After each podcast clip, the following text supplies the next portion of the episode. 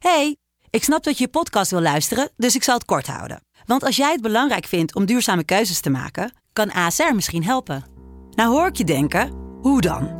Nou, bijvoorbeeld bij het duurzaam herstellen van schade. Of de premies die we beleggen volgens ons duurzaam beleggingsbeleid. Dat bepaalt waar we wel en juist niet in investeren. Wil je meer weten over welke duurzame keuzes ASR maakt? Ga dan naar asr.nl slash duurzame keuzes. ASR doet het. Zo, dan kan je nu lekker naar je podcast luisteren. Het blok is terug. Vier koppels, vier bouwvallen, vier verbouwingen en dus een hele hoop stress. Het blok, iedere werkdag om half negen bij net vijf. De stroom.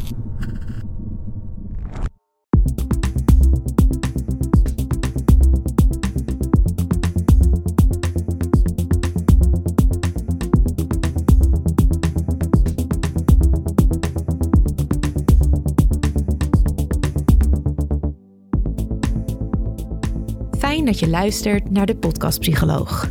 Een podcast waarin ik, Marissa van der Sluis, samen met andere psychologen in gesprek ga over belangrijke onderwerpen. Om zo met z'n allen onszelf en anderen beter te leren begrijpen. Het onderwerp van vandaag is keuzes maken. En daarvoor heb ik Frank van Harreveld uitgenodigd. Frank is hoogleraar sociale psychologie aan de Universiteit van Amsterdam en hij is gespecialiseerd in beslissingsgedrag. Frank, welkom. Dank je. Oud-docent van mij. Ja? Weet je dat nog? Uh, ja, maar dat is wel lang geleden volgens ja, mij. dat is wel een tijdje geleden. En uh, oud-collega's ook inmiddels, want ik werk niet meer uh, bij de universiteit sinds kort. Dat ik me helemaal ben gaan focussen op het maken van podcasts. Dus ik ben heel blij dat je hier vandaag bent. Ja, leuk hier te zijn. Um, ja, dit, dit onderwerp. We, we, hebben de afgelopen tijd uh, veel uh, verzoeken binnengekregen, ook voor onderwerpen. Uh, waaronder een luisteraar, haar naam is Sena. Zij vroeg of we een aflevering konden maken over besluiteloosheid, omdat zij daar denk ik zelf last van heeft. En een andere luisteraar, Pien, vroeg mij om hulp omdat ze keuzestress ervaart bij haar studiekeuze. Nou, daar kan ik me ook wel iets bij voorstellen. En toen dacht ik, ja, we leven ook in een steeds complexer wordende samenleving, waarin we worden gedwongen ja, steeds vaker keuzes uh, te maken, waarvan we de consequenties eigenlijk helemaal niet goed van kunnen overzien vaak. Um, dus het leek me wel goed om wat overzicht te creëren aan de hand van een podcastaflevering over keuzes maken. En ik wil, ik wil van jou weten, hoe staat het eigenlijk met jouw besluitvorming, om het maar zo te zeggen? Op, ja, wat voor manier maak jij meestal keuzes? Um, dat hangt een beetje van het, uh, het soort keuze af dat ik moet maken. Dus ik denk dat over het algemeen bij alledaagse keuzes, laten we zeggen een beetje ja, keuzes die niet al te moeilijk zijn, dan, uh, dan ga ik vaak heel rationeel te werk. En dan, uh, ja, dan kan ik vaak ook wel behoorlijk goed beargumenteren waarom ik het ene wel doe en het andere niet. Ja. Maar als ik echt kleine keuzes? kleine keuzes, Oké, dan kan ja. ik het goed, uh, goed uitleggen, goed Ah, ja. rationaliseren. Um, als ik echt moeilijke keuzes moet maken, dan, uh, ja, dan, dan, dan werk je jezelf bijna alleen maar verder in de ellende eigenlijk door er, uh, door er heel erg lang over na te denken. Ja. En kan ik me er, ik kan me eigenlijk geen moeilijke beslissingen herinneren waar ik me echt uitgedacht heb. Hm. In bijna alle gevallen was uiteindelijk dan toch het gevoel leidend. Ah ja, grappig. Ik zou bijna het omgekeerde verwachten. Ja. Maar dat is dus niet zo. Nee, Freud zei volgens mij ook al uh, zoiets dat voor alledaagse, bij bijna triviale beslissingen, dan uh, vertrouwt hij op zijn uh, rationaliteit. ja. En uh, als het echt ingewikkeld wordt, dan, ja, dan, dan, dan laat hij de, het antwoord uit het onbewuste komen. En dat lijkt ook een beetje op het werk van, hè, dat, dat kennen veel mensen denk ik ook wel, het werk van Ab Dijksterhuis over het slimme onbewuste. Dat raakt er ook een beetje aan. Dus het, als het echt, uh, Ab die zegt dan, als je uh, overwanten moet kopen, dan, dan moet je er maar uh, dan moet je er goed bewust over nadenken. Maar als het echt ingewikkeld wordt, dan moet het, dan moet je er beter een nachtje over slapen. Nou, dat, ik, ik wil niet zeggen dat, het, dat, dat dat altijd het perspectief is dat ik zou uh, ja, adviseren of zo. Maar ja, jouw vraag ging over hoe ik zelf beslissingen neem. Ik denk dat ik uh, uh, over het algemeen toch wel wat intuïtief en op mijn gevoel kies. Ja. Je zei in je inleiding ook iets natuurlijk over de, de, ja, de, de keuzestress, hè, die nu een soort van uh, ja, meer, daar waar meer sprake van lijkt te zijn dan, eh, dan, dan ooit misschien wel. Je zei, ja, we moeten steeds meer kiezen. Zo zou je het kunnen zien, maar je zou het ook kunnen formuleren als we hebben steeds meer vrijheid. We hebben Mhm. steeds meer eh, de mogelijkheid om te kiezen. Ja, ja. Hè? Dus ehm, misschien mijn eh, opa en oma, die hadden als het ging om eh, carrières of misschien zelfs op partners, Mhm. ehm, ja, misschien niet zo'n eh, bijna onuitputtelijke hoeveelheid eh, keuzealternatieven om eh, met elkaar te vergelijken. Ja, Dus, ehm, eh, en wij wel. ja. Dus met hoe meer keuzevrijheid we hebben, hoe, hoe meer we ook verlamd kunnen raken door die keuzevrijheid. En dat Ja, is eigenlijk een beetje een soort paradox waar we het misschien later ook nog wel wat meer over, over gaan hebben. Van we, willen graag veel keuzevrijheid, maar tegelijkertijd is het ook eh, soms ja, moeilijk voor ons. Ja, ik vind dat ook zo'n bijzonder fenomeen dat je een persoon kan zijn die vrij gemakkelijk keuzes kan maken, maar dan toch wel verlamd kan raken door de hoeveelheid aan keuzes die er op je af worden geworpen. Ik was onlangs ook op zoek naar een eh, kussentje voor op mijn bank. Eh, en ik dacht, nou laat ik het internet eens proberen, kijken wat er allemaal te vinden is. Vervolgens kwam ik er al vrij snel achter dat waarnaar ik op zoek was een sierkussentje blijkt te heten. Ehm, en toen ik dat vervolgens intoetste, kwam ik uit op, ik heb het even opgeschreven, 435.490 resultaten. Nou, dat is toch om compleet moedeloos van te worden al. Gelukkig was daar een keuzehulp die ik kon aanklikken. Dus godzijdank, ik had wat structuur in deze zoektocht. Ehm, maar ja, dan worden vervolgens allerlei hele moeilijke vragen aan je gesteld. Namelijk wat voor vorm sierkussentje je zou willen. Wat voor kleur sierkussentje zou willen. Wat voor dessin je op je sierkussentje zou willen. En het enige wat ik telkens dacht, dat weet ik dus niet. Ik wil een paar sierkussentjes op een rijtje zien. En dan vervolgens eh, vanzelf merken wat me aanspreekt. En ik ben vervolgens ja, bijna fysiek misselijk geworden van deze zoektocht. En ik heb mijn laptop dichtgeslagen en ik ben wat anders gaan doen. Ja, Dit is dus echt een typisch voorbeeld van keuzestress dat je geeft. En dat is, eh, eh, dat is onder meer onderzocht eh, door ehm, collega's eh, in eh, New York. Eh China Iyengar die heeft een, eh, een hele beroemde studie gedaan waarin ze in een, eh, in een soort van eh, delicatessenwinkel zo'n eh, zo'n proefsteentje heeft gemaakt waar mensen verschillende soorten jam konden proeven. En op de ene dag waren er, geloof ik, eh, ik weet niet precies of de getallen kloppen, maar laten we zeggen, de ene dag waren er eh, eh, vier soorten jam en de andere dag waren er eh, zestien soorten jam waar ze uit konden kiezen. En mensen konden dan proeven, de verschillende smaken met elkaar vergelijken. En wat je, wat je daar zag, is dat op het moment dat er veel keuzeopties waren, dan, dan trok dat heel veel klanten en proevers. Dan denk Mhm. ik, oh nou interessant, 16 Ja. soorten jam. Nou, Ja. Er zal wel iets heerlijks tussen zitten. Maar vervolgens werd er op die dagen minder jam verkocht. Beetje zoals, je, zoals jij met je kussentje, dat je dan die laptop dichtklapt van ja, dit is te ingewikkeld, ik kan, Ja, hier, ik kan hier niet meer kiezen. Ja, Je, je, je- er zijn zoveel eh, opties waar je uit kan eh, kiezen die verschillen op zoveel eh, ja, fa- factoren eigenlijk. ja. Dat je door de boom het bos niet meer ziet Mm, en dan maar niet. besluit dat Ja. je zonder aankoop de, de winkel verlaat. En daarmee ja, dan ben je dan meteen weer bij zo'n paradox. Hè. We willen, we denken, oh ja, veel keuze. Hè. Ja, de- dan kom ik er zeker Dan uit. kom ik er zeker uit. Hier moet wel de, de, de, Perfecte- de beste jam aller tijden. Moet hier haast wel... perfecte eh, sierkussentje. ja, perfecte sierkussentje moet er haast wel tussen zitten. Ehm, wat, er, wat hier natuurlijk een probleem is, is enerzijds dat het, eh, dat het heel ingewikkeld wordt om ze allemaal met elkaar te vergelijken. Hè, vorm, kleur, eh, stof, et cetera. Ehm, dan maar moet je ook maar weten wat je wil. Want je Dat. moet het eigenlijk van tevoren al gaan zelf gaan filteren. Ja, en het creëert ook weer, ik noemde het verantwoordelijkheid. Het maakt je ook heel erg verantwoordelijk voor het kiezen van het ultieme sierkussentje natuurlijk. Want als jij Ja. uit, die, eh, eh, uit die vele honderden eh sierkussentjes niet het allerbeste sierkussentje kiest. En je een, twee weken later naar je bank kijkt. Ja, toch een beetje jammer. Ja. Dan, dan vind je zelf toch een beetje een uilskuiker natuurlijk. Dat jij nou uit, je had alle sierkussentjes uit de geschiedenis van de wereld waar je uit kon kiezen. Ja, En, dan, en, en dan, ben je nog niet blij. 700.000. Zeg maar. Ja. Dus het, het, eh, hoe meer keuzealternatieven we hebben, hoe hoger de lat ook komt te liggen. Ja. Ja, en, en soms, als je er dan niet blij mee bent, kan je dus dat wijten aan, ja, ook aan jezelf alleen nog maar. Spijt. Ja, spijt, maar ook dat je denkt, heb ik nou zo'n, ja, zo'n aparte smaak of ben ik nou zo veel eisend? Ja. Maar ook vooral, eh, ja, ik denk vooral het gevoel. Ja, als je uit eh, drie sierkussentjes moet kiezen. en het is niet eh, de. Je bent het eigenlijk niet meer zo blij. Dan denk je, ja, maar goed, er waren er ook maar drie. En ja, hoe groot is de kans dat, dat ik hier de rest van mijn leven blij mee ben? Maar Ja. als er 416 zijn, dan ja, nogmaals, dan, dan leg je die lat gewoon hoger. En dan verwacht je ook meer van, eh, van dat sierkussentje. En dan even iets anders. Jij bent toch wel expert op het gebied van menselijk beslissingsgedrag. Ehm, en in hoeverre kijk je wel eens met leden ogen naar hoe mensen om je heen keuzes maken? Dus bijvoorbeeld in je eigen kring of bij bedrijven of in de politiek. Eh, ik denk dat een van de eh, ja, toch wel steeds terugkerende bananenschillen in eh, menselijk beslissingsgedrag is het, het fenomeen discounting.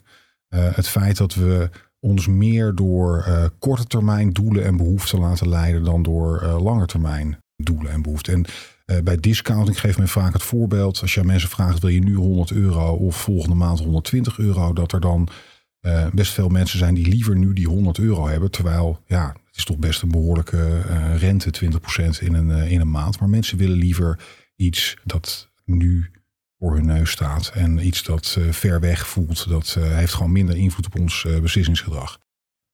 Dat noemen we ook wel psychologische afstand. Dus iets dat op, op kleine psychologische afstand staat.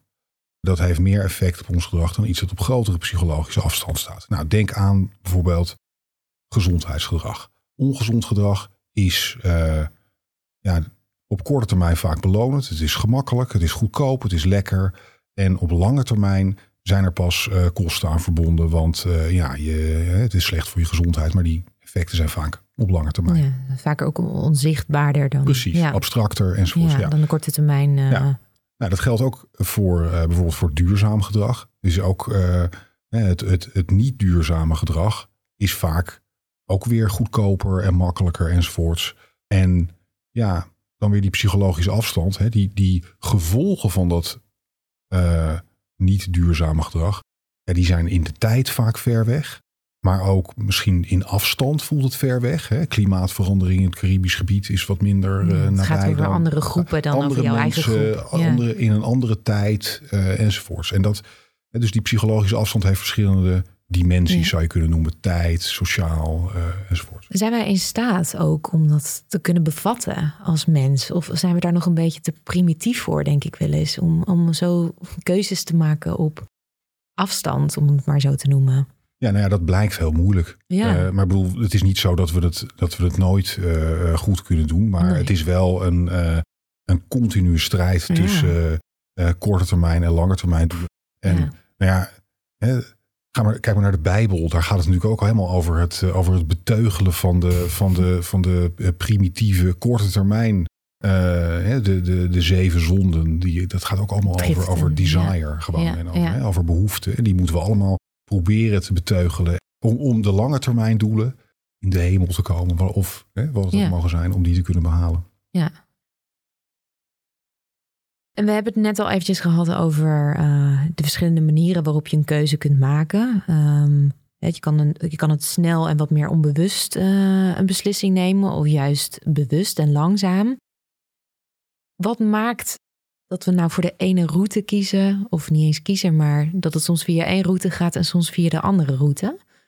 Ehm, ja, het is wel grappig dat je spreekt over routes. Eh, dat doen we denken aan het, aan het werk van Daniel Kahneman. Heel bekend boek eh, Thinking Fast and Slow eh, geschreven. Ja, over bekend, precies die ja. snelle en die langzame processen. Hij spreekt daarbij over eh, systeem 1 en systeem 2 denken. En waarbij systeem 1 een, de snelle route is, de automatische piloot als het ware, waar we proberen zoveel mogelijk op te varen op dagelijkse basis. Want we zijn natuurlijk lui, we willen graag gewoon alles zoveel mogelijk automatisch piloot doen. En systeem 2 eh, holt daar een beetje achteraan en corrigeert systeem 1 wanneer het uit de bocht vliegt, zo gezegd. Dus eh, we gebruiken dat systeem 1 volgens Kahneman echt voor allerlei dingen die we snel moeten doen, alledaagse dingen. Terwijl eh, systeem 2, dat is veel meer beredeneerd en rationeel. En dat hebben we meer nodig voor eh, complexe dingen. Ja, rekenen, auto's in een hele moeilijke kleine parkeerplaats inparkeren, et cetera. ja, ja. En, Dus je schakelt gewoon tussen die twee systemen, is wat Dus- hij zegt. Ja, precies. En ik denk dat je wel je twijfels kan hebben bij ja, bij of we nou daadwerkelijk die twee systemen hebben, ik denk het eigenlijk niet. Hè, de, de, de, er is volgens mij geen reden om aan te nemen dat dat twee, in, bijvoorbeeld in het brein te onderscheiden eh, systemen echt zijn.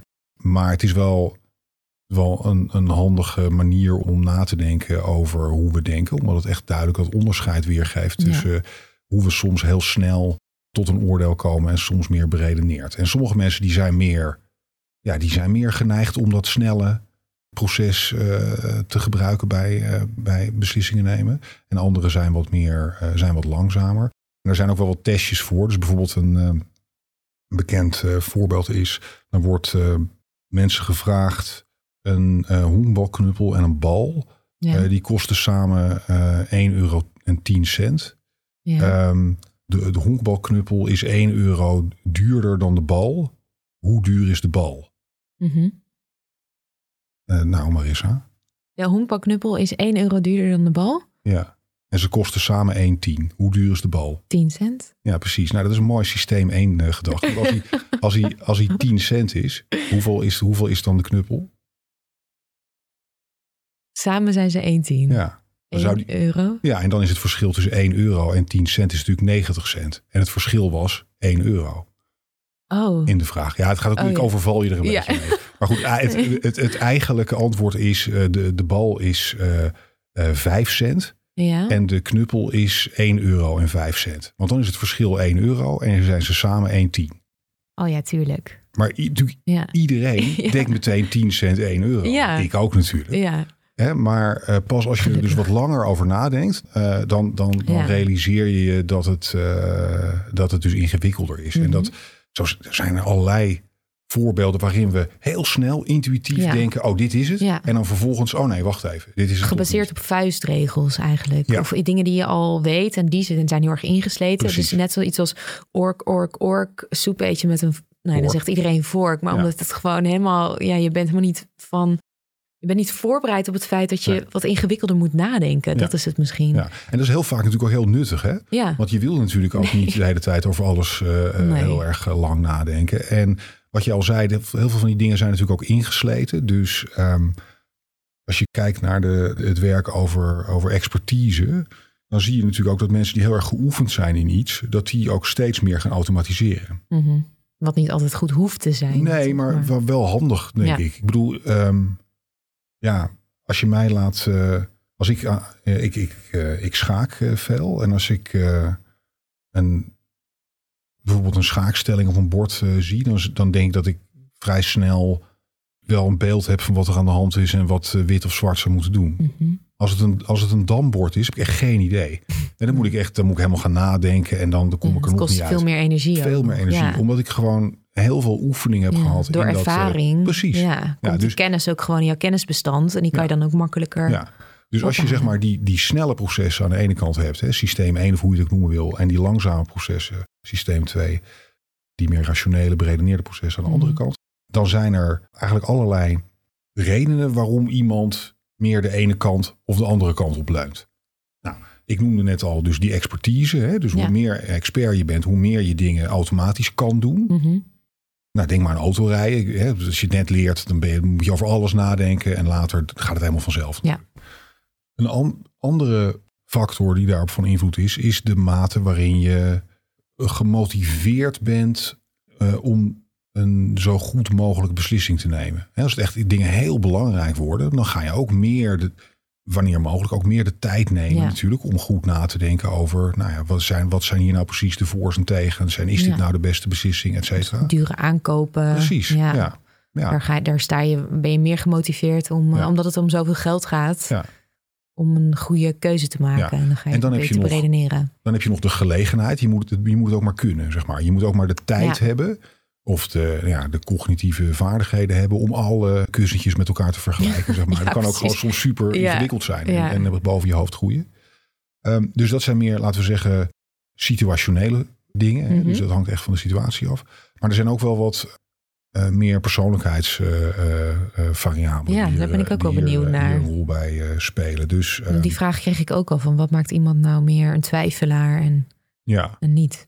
Nou ja, sommige mensen zijn bijvoorbeeld meer wat we noemen maximizers en anderen zijn meer satisficers. Dus maximizers die willen altijd de best mogelijke keuze maken in een, uh, in een situatie. Ik kan er al een paar vrienden in mijn hoofd uh, opzommen, ja, Ja. die dat zijn. Ja, Ja, die, die gaan en- alles en- uitzoeken altijd. En andere mensen zijn dus meer die satisficers. Die denken, nou, dit is wel goed genoeg. Die, die willen niet per se de beste. Die willen gewoon eentje die zeg maar boven een bepaalde grens komt van wat ze acceptabel vinden. Ehm, ja, die, die laatste mensen, die zijn natuurlijk, eh, die hebben het wat dat betreft natuurlijk wel wat makkelijker. Want die, die leggen die lat minder hoog en die zullen ook minder ten prooi vallen aan keuzestress. Daarna waarschijnlijk ook tevredener zijn met, hun, eh, met de keuzes die ze maken. Want ik denk dat dat voor veel mensen wel klinkt als gek. Ik denk dat veel mensen die juist heel goed onderzoek doen voordat ze een keuze maken, juist bang zijn dat als ze snel een keuze maken, dat ze dan spijt zullen hebben. Maar jij zegt eigenlijk precies het omgekeerde. Dat ze waarschijnlijk minder spijt zullen hebben. Ehm, het idee bestaat bij veel mensen dat we de beste beslissingen nemen op het moment dat we daar goed en, en grondig over nadenken. Terwijl ja, er is toch wel aardig wat onderzoek juist dat laat zien dat als je mensen veel laat nadenken en beredeneren en, en een soort introspectie laat doen over de, de keuzes die ze, de, die ze maken, dat ze daardoor soms op een soort van dwaalspoor eh, terechtkomen. Hè, dat ze eigenlijk minder goede keuzes maken, juist omdat ze ja. er zo, eh, zo hard en grondig eh, over nadenken. Ehm, Waar ligt dat dan aan? nou, omdat we een Amerikaanse onderzoeker, Timothy Wilson, die heeft jaren 70 was dat al een boek geschreven. Dat heet eh, Strangers to Ourselves. Eh, en dat gaat, de, we zijn vreemden voor onszelf. We hebben, en de, de strekking van het boek is dat wij eigenlijk niet zo goed inzicht hebben in wat onze echte drijfveren zijn. Ah, ja. En op het moment dat, dat wij gevraagd worden om te beredeneren waarom vind jij dit mooi en dat niet, ja, dan, dan ga je wel, dan, dan, dan ga je een antwoord geven. ja, dan ga je zoeken. Dan ga je zoeken en dan ga je dingen, dingen eh, erbij trekken. Die, ja, en dan ga je misschien wel dingen noemen die je bij wijze van spreken makkelijk onder woorden kan brengen. Ja. Terwijl sommige dingen kun je helemaal niet Nee. goed onder woorden Of brengen. sociaal wenselijke dingen Ook die dat, eigenlijk helemaal niet per se bij je passen en ook helemaal niks met je keuze te maken Ja, hadden. Precies. Dus wij hebben, wij hebben ook wel wat studies gedaan naar, eh, naar, naar, naar dit proces. En daar hebben we bijvoorbeeld mensen wijn laten drinken in het, eh, in het lab. En eh, ik, ik herinner me nog goed dat we, ik, ik ging dan door zo'n eh, door zo'n wijngids heen. En toen heb ik hele goede en ook hele slechte wijnen heb ik uitgezocht. Ehm, en die heb ik zo gerangordend van heel slecht naar heel goed. En deelnemers aan het onderzoek, die hebben we eerst gevraagd van... Goh, drink je wel eens wijn en, en weet je wat van wijn? En, en, en denk je, ja, heb je een beetje een ontwikkelde wijnsmaak of niet? Nou, vervolgens hebben we mensen in dat lab wijn laten drinken. Niet zo heel veel, ze gingen niet eh zingend naar buiten... maar gewoon eh, die wijnen laten proeven en hen gevraagd ze te, te rangordenen... in volgorde van hoe goed of slecht ze ze vonden. Ja. Alleen, de helft van die mensen hebben we gewoon gevraagd dat intuïtief te doen. En de andere helft hebben we echt gevraagd om voortdurend hardop te praten over wat ze ervan vonden. En uit te leggen waarom Oh, ze lekker vonden of juist vies vonden, et Ja. En? Nou, wat we daar zagen is dat de, de mensen die niet zoveel van wijn weten, die raken helemaal de, het spoor bijster op het moment dat ze erover na, eh, over moeten praten. Ja, dat moeten beredeneren. Ja, want, want je wordt eigenlijk gedwongen om te praten over iets waar je bij wijze van spreken het vocabulaire niet voor hebt, waar je de woorden niet voor hebt. Waar Ja, je het is niet- kan voelen, Nee, toch? Het zijn andere zintuigen. Ja. Behalve voor de mensen die dus wel eh, zich meer met wijn eh, Oh, ja. bezighouden, want die hebben wel die woorden. Ja, ja, ja. En ehm, je dwingt in zo'n geval mensen om, ja, om na te denken over en, en daarmee echt te rationaliseren wat ze niet kunnen rationaliseren. Nee. Maar het gevoel kan Ja. wel kloppen. Ik vroeg me ook af, is, is dat ook niet, het, intuïtie, is dat ook niet een soort van uiting van onbewuste dingen die je hebt geregistreerd en een soort optelsom daarvan, die je niet per se altijd onder woorden kan brengen? Ja, ik denk zeker En dat je intuïtie, en, en dat, ja. dat intuïtie iets is dat je, daar moet je niet licht over nadenken. Dus ik denk niet dat, ja, soms hoor je wel eens mensen, zeg maar, spreken over een soort van eh, hun intuïtie als een, een heilig iets, dat waar ze volledig blind op vertrouwen. Maar die intuïtie kun je pas ontwikkelen op basis van kennis, oefening Ervaring. en ervaring. En wel juist dat, eh, dat hele beredeneerde proces dat daaraan eh ten, ten eh, ligt vaak. En dat raakt dan weer aan dat schaken voorbeeld dat ik net gaf. Ja, als ik naar een, een, een schaakstelling kijk, dan kan ik heel vaak wel voelen van nou dat paard dat moet daarheen. Want dat is, ja, dat is lekker hard, maar toch zacht of zo. Ik kan het niet per se eh, dan, dan uitleggen waarom. Nee. Eh, ik weet wel wat ik moet doen, maar ik, ik kan niet meer heel goed bij het proces dat, dat daartoe Nee. leidt. Ik Maar kan het dat voelt niet meer- gewoon goed. Het is gewoon intuïtief ja. geworden Ja, op basis van iets dat je, dat je honderden, duizenden keren eh, gedaan hebt. ja en dat, dus, dat beredeneren van je keuzes werkt dus lang niet altijd, juist helemaal niet averechts. Wat impliceert dat? Wat, wat moeten we dan doen om niet in een war te raken? Ik denk zelf dat het belangrijk is om wel open te staan voor alle, hè, alle informatie tot je te nemen die relevant is voor een beslissing. En die informatie misschien ook eh, ja, wel, wel bewust te verwerken, maar eh, vervolgens eh, ook even afstand ervan te nemen. En ja, dat toch even te laten sudderen. En op een later moment daar nog bij, eh, ja, dan weer, weer terug te gaan naar de tafel waar je Mhm. al die argumenten en, en toch weer even opnieuw te kijken van vind ik nu nog steeds hetzelfde als wat ik vond toen ik alle plussen en minnen met elkaar Oh, ja. aan het vergelijken was. Ja. Dus dat, dat rationele proces is denk ik wel belangrijk. Je wil alle eh, factoren meenemen. Ja, Maar ja, neem daarna ook even afstand om te kijken of je niet eh, jezelf in een, ja, in een bepaalde valkuil gepraat of gedacht hebt. Dus eventjes er afstand van nemen, even wat tijd ertussen laten. Ehm, maar ik denk op een gegeven moment is het ook wel goed om juist een besluit te nemen. En iemand vroeg ook aan mij, helpt het dan om een deadline misschien voor jezelf op te stellen? Of werkt dat juist averechts? In het algemeen is het natuurlijk zo dat we heel veel twijfel kunnen hebben voor een keuze. En dat we dan na de keuze denken, nou, maar het was toch eigenlijk gewoon helemaal goed dat ik dit gedaan heb. En hoe kan ik daar zo lang over getwijfeld hebben? Dat heb ik tenminste zelf heel vaak Ja, gehad. dan ben je blij En- dat je er vanaf bent. Ja, nee, maar ook dat ik, eh, dat ik twijfelde tussen twee opties. En dat ik uiteindelijk eh, de ene optie gekozen heb. En dat ik de, na afloop, van spreken, me niet meer kon voorstellen dat ik die andere echt ooit overwogen Oh, heb. zo, ja. Dat is een beetje zo'n soort, eh, wat we dan cognitieve dissonantieachtig proces noemen. Dat we, we gaan uiteindelijk wel achter onze keuze staan. Dus in dat opzicht is het gewoon goed om inderdaad jezelf te dwingen. eh, dat kan met een deadline zijn of wat dan ook. Maar jezelf wel te dwingen om een, eh, om een keuze te maken. Eh, maar ja, wel mits je natuurlijk, ja, mits je genoeg tijd hebt gehad om een wel, ja, om, om, om in ieder geval het gevoel te hebben dat je alles hebt kunnen overwegen. Ja. Maar ja, er is wel denk ik een heel, het is heel belangrijk om, om na te denken over het verschil tussen wat er voor de keuze gebeurt. Dus ja, die twijfel en die complexiteit die we daar dan allemaal zien. En dan, dan maak je een beslissing en wat gebeurt er dan daarna?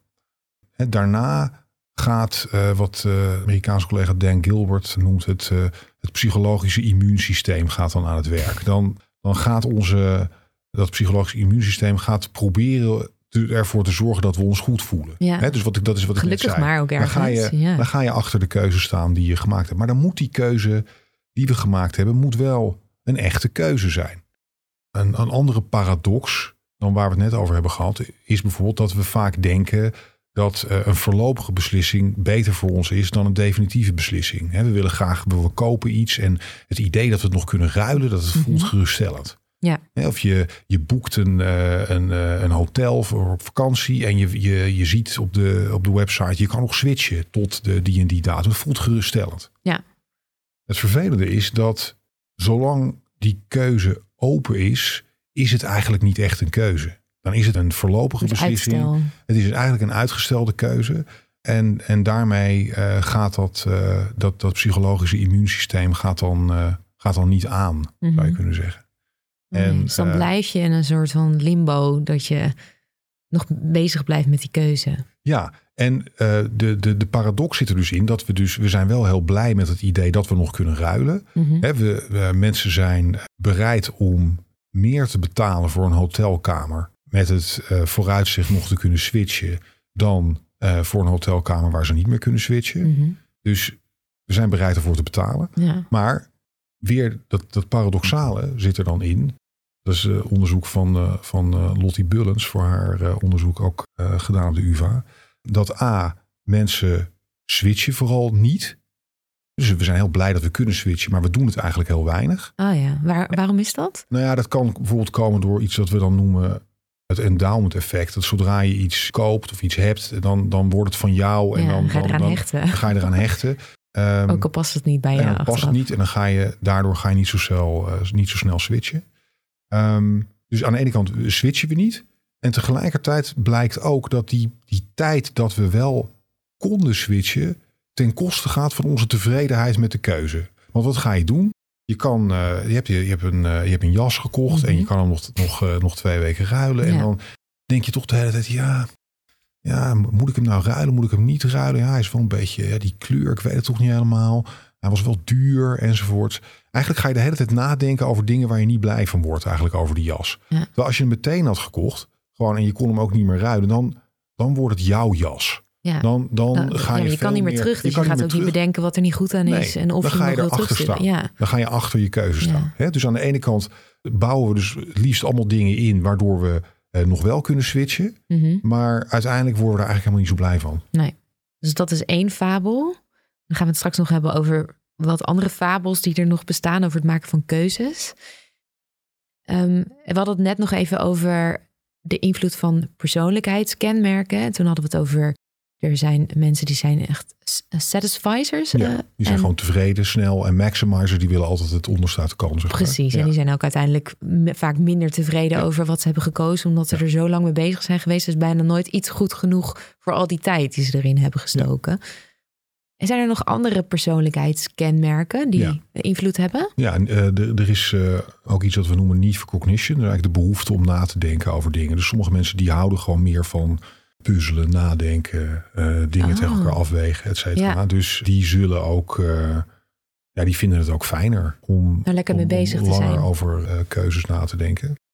Een andere eigenschap noemen we need for closure. Dat is dus meer de, de behoefte aan duidelijk afgesloten dingen. Dus op het moment dat je een hoge need for closure hebt, dan wil je eigenlijk ook in, zodra je een keuze moet maken, wil je ook weer de best mogelijke keuze maken. Dus dat heeft heel erg met dat maximizen te maken waar ik het net over had. Hè? Oh dus ja, mensen die niet zo hoog zijn op need for closure, die kunnen meer denken, nou, ach, ja, weet het niet eh, helemaal weet niet helemaal zeker. zeker, maar het geeft niet. ja. Er zijn trouwens ook culturele verschillen waar je nog wel op, eh, Oh. op, eh, op kan wijzen hier. Waar ehm, ja, iets wat we dan dialectisch denken noemen. Iets is dat je dat, dat misschien vooral geassocieerd wordt met meer Oosterse culturen. Hè? Yin, yang, tegenstellingen horen bij elkaar in het leven. Mhm. Terwijl wij in het Westen wat, wat minder dialectisch denken en wat minder van tegenstellingen en complexiteit houden. We willen graag dat dingen helder, duidelijk, eh, Afgerond, afgerond, goed zijn. eenduidig zijn. ja. En hoe komt dat, dat dan tot uiting? In onze Ehm, culturen en ook op het gebied van keuzes? Nou ja, we hebben het, eh, we hebben het net gehad over, eh, over keuzestress en dat mensen het moeilijk vinden om, om beslissingen te nemen.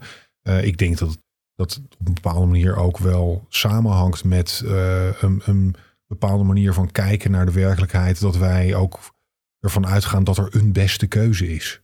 Hè, dat, je Ja. er, dat je ervan uitgaat, er is één goede keuze die Ja, echt bij is een mij ultieme past. waarheid. De ultieme Ja. waarheid enzovoort. Ja. En we doen ook veel, eh, veel onderzoek naar ambivalentie, naar het hebben van gemengde gevoelens bijvoorbeeld. En dat is ook iets waar vooral mensen in westerse culturen niet zo heel erg van houden. Die Mm. vinden het vervelend om iets eh, goed en slecht tegelijk te vinden.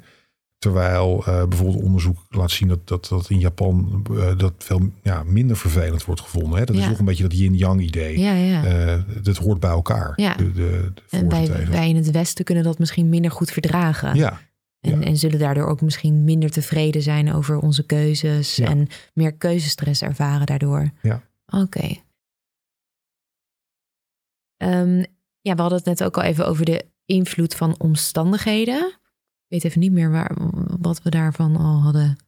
Nou, we hadden het erover dat ehm, eh, soms dan eh, ben je, heb je meer de, de tijd bijvoorbeeld en de gelegenheid om alle voor's en tegens tegen elkaar af te wegen. Oh ja, ja. Eh, soms ben je ook gewoon meer gemotiveerd omdat het een heel belangrijke keuze voor je is. En dan ga je, hè, dat is echt een carrière, partnerkeuzes, weet ik veel wat. Dan, dan ga je waarschijnlijk meer daar eh, vele, vele uren van je, van je energie in stoppen om daar eh, alles tegen af te wegen. Dan als je toch weer dat, eh, dat, dat kussentje aan het kopen bent. ja. En, zi- en zijn er nog andere omstandigheden die invloed hebben op, je keuzes, dus bijvoorbeeld wat voor staat je jezelf bevindt?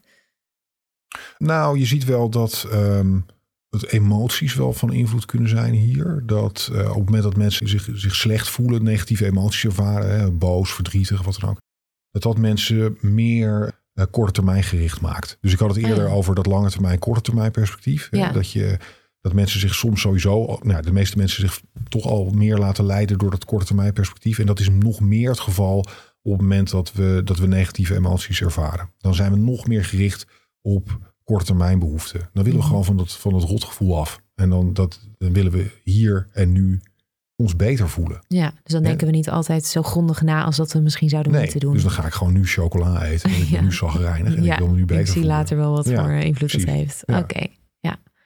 Ik had het er net over dat we al één eh, fabel hebben besproken over het maken van keuzes. Maar eigenlijk hebben we er natuurlijk stiekem al drie besproken. Maar misschien goed om die nog even op een rijtje te zetten. Want dat is toch iets wat, wat wel tegenintuïtief is. En dat vind ik wel vaker met de psychologie.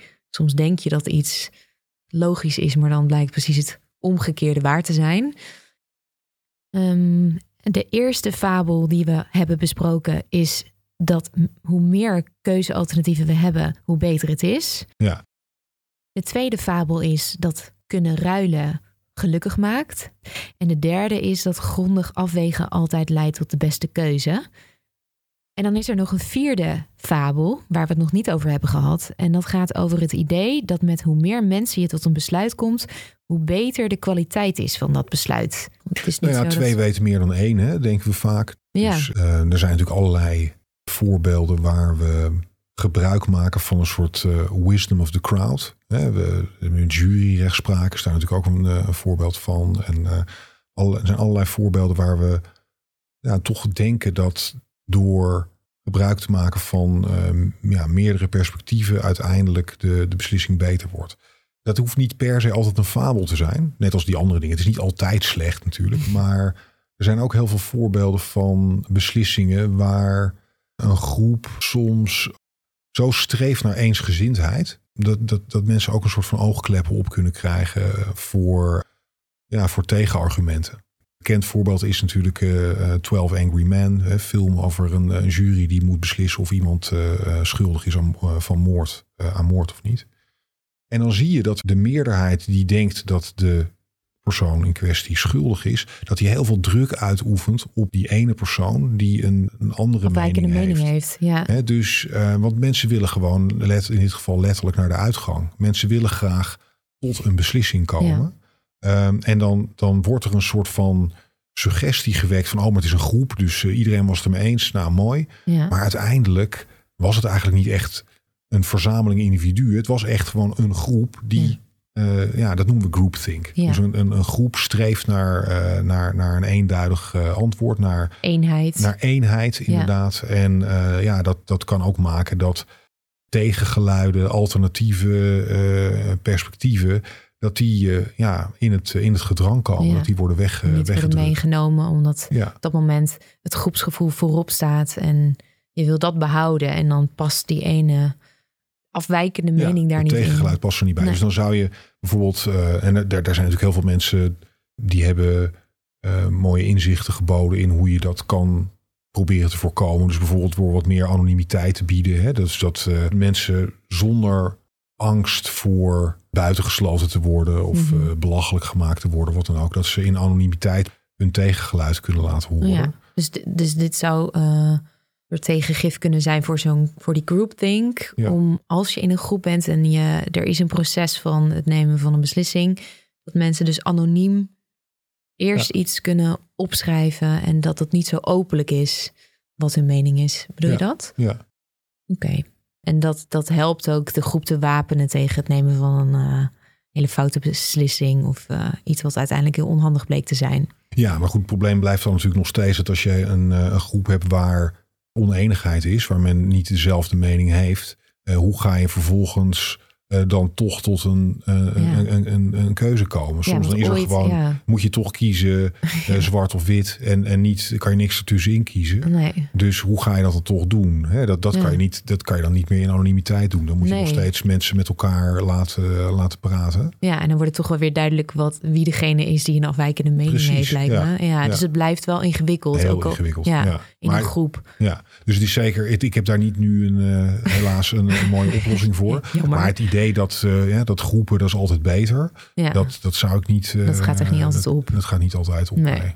Maar je ziet het natuurlijk wel vaak dat hè, als, je, als je duizend mensen individueel vraagt: wat is hier de beste keuze?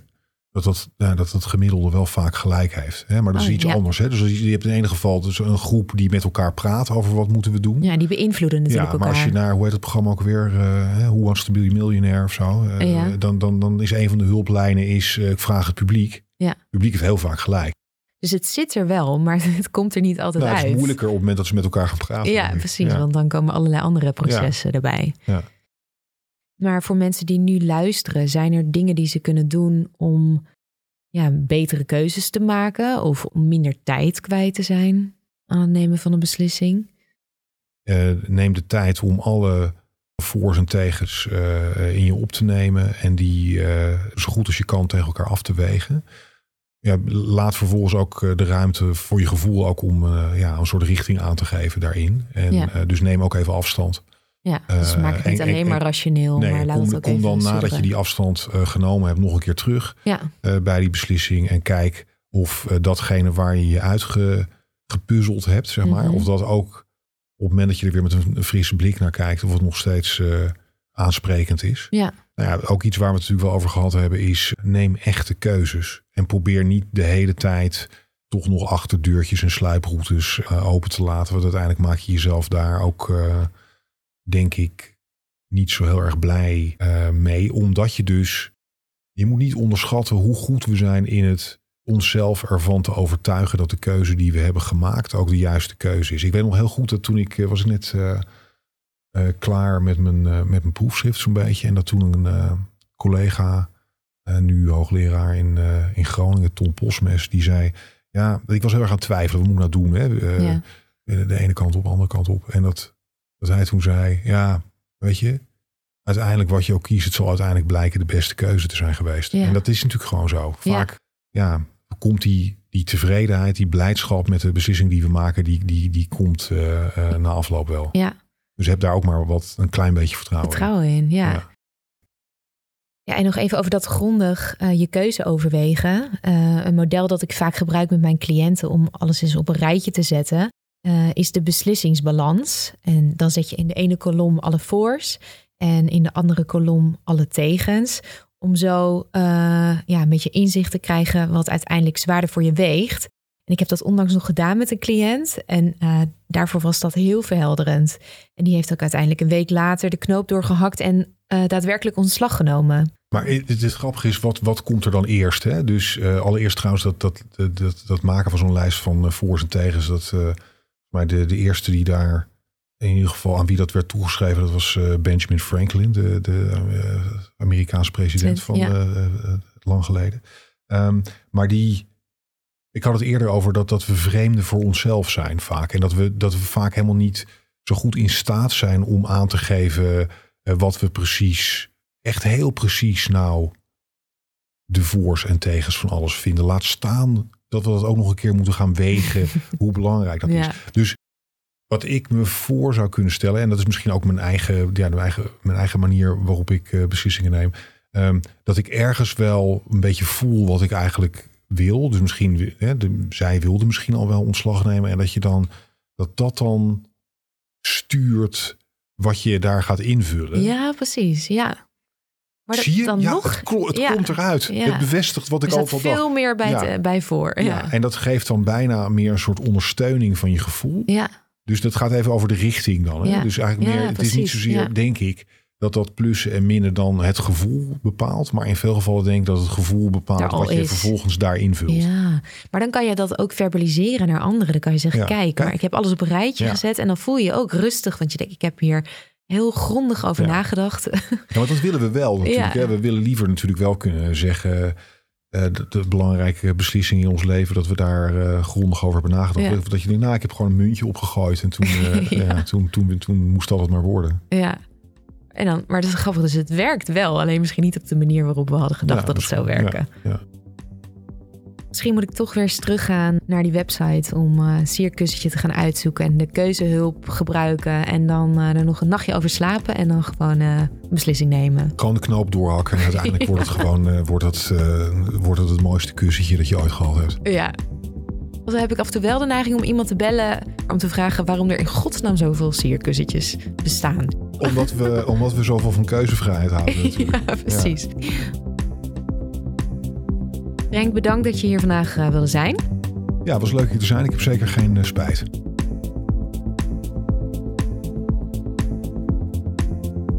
Wil jij nou weten hoe onzekerheid ons beïnvloedt in het maken van keuzes?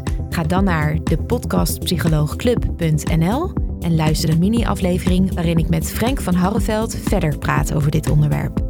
Dus, word lid van onze club en ontvang maandelijks bonusmateriaal bij de aflevering uit de podcast en een door mij persoonlijk ingesproken ontspanningsoefening.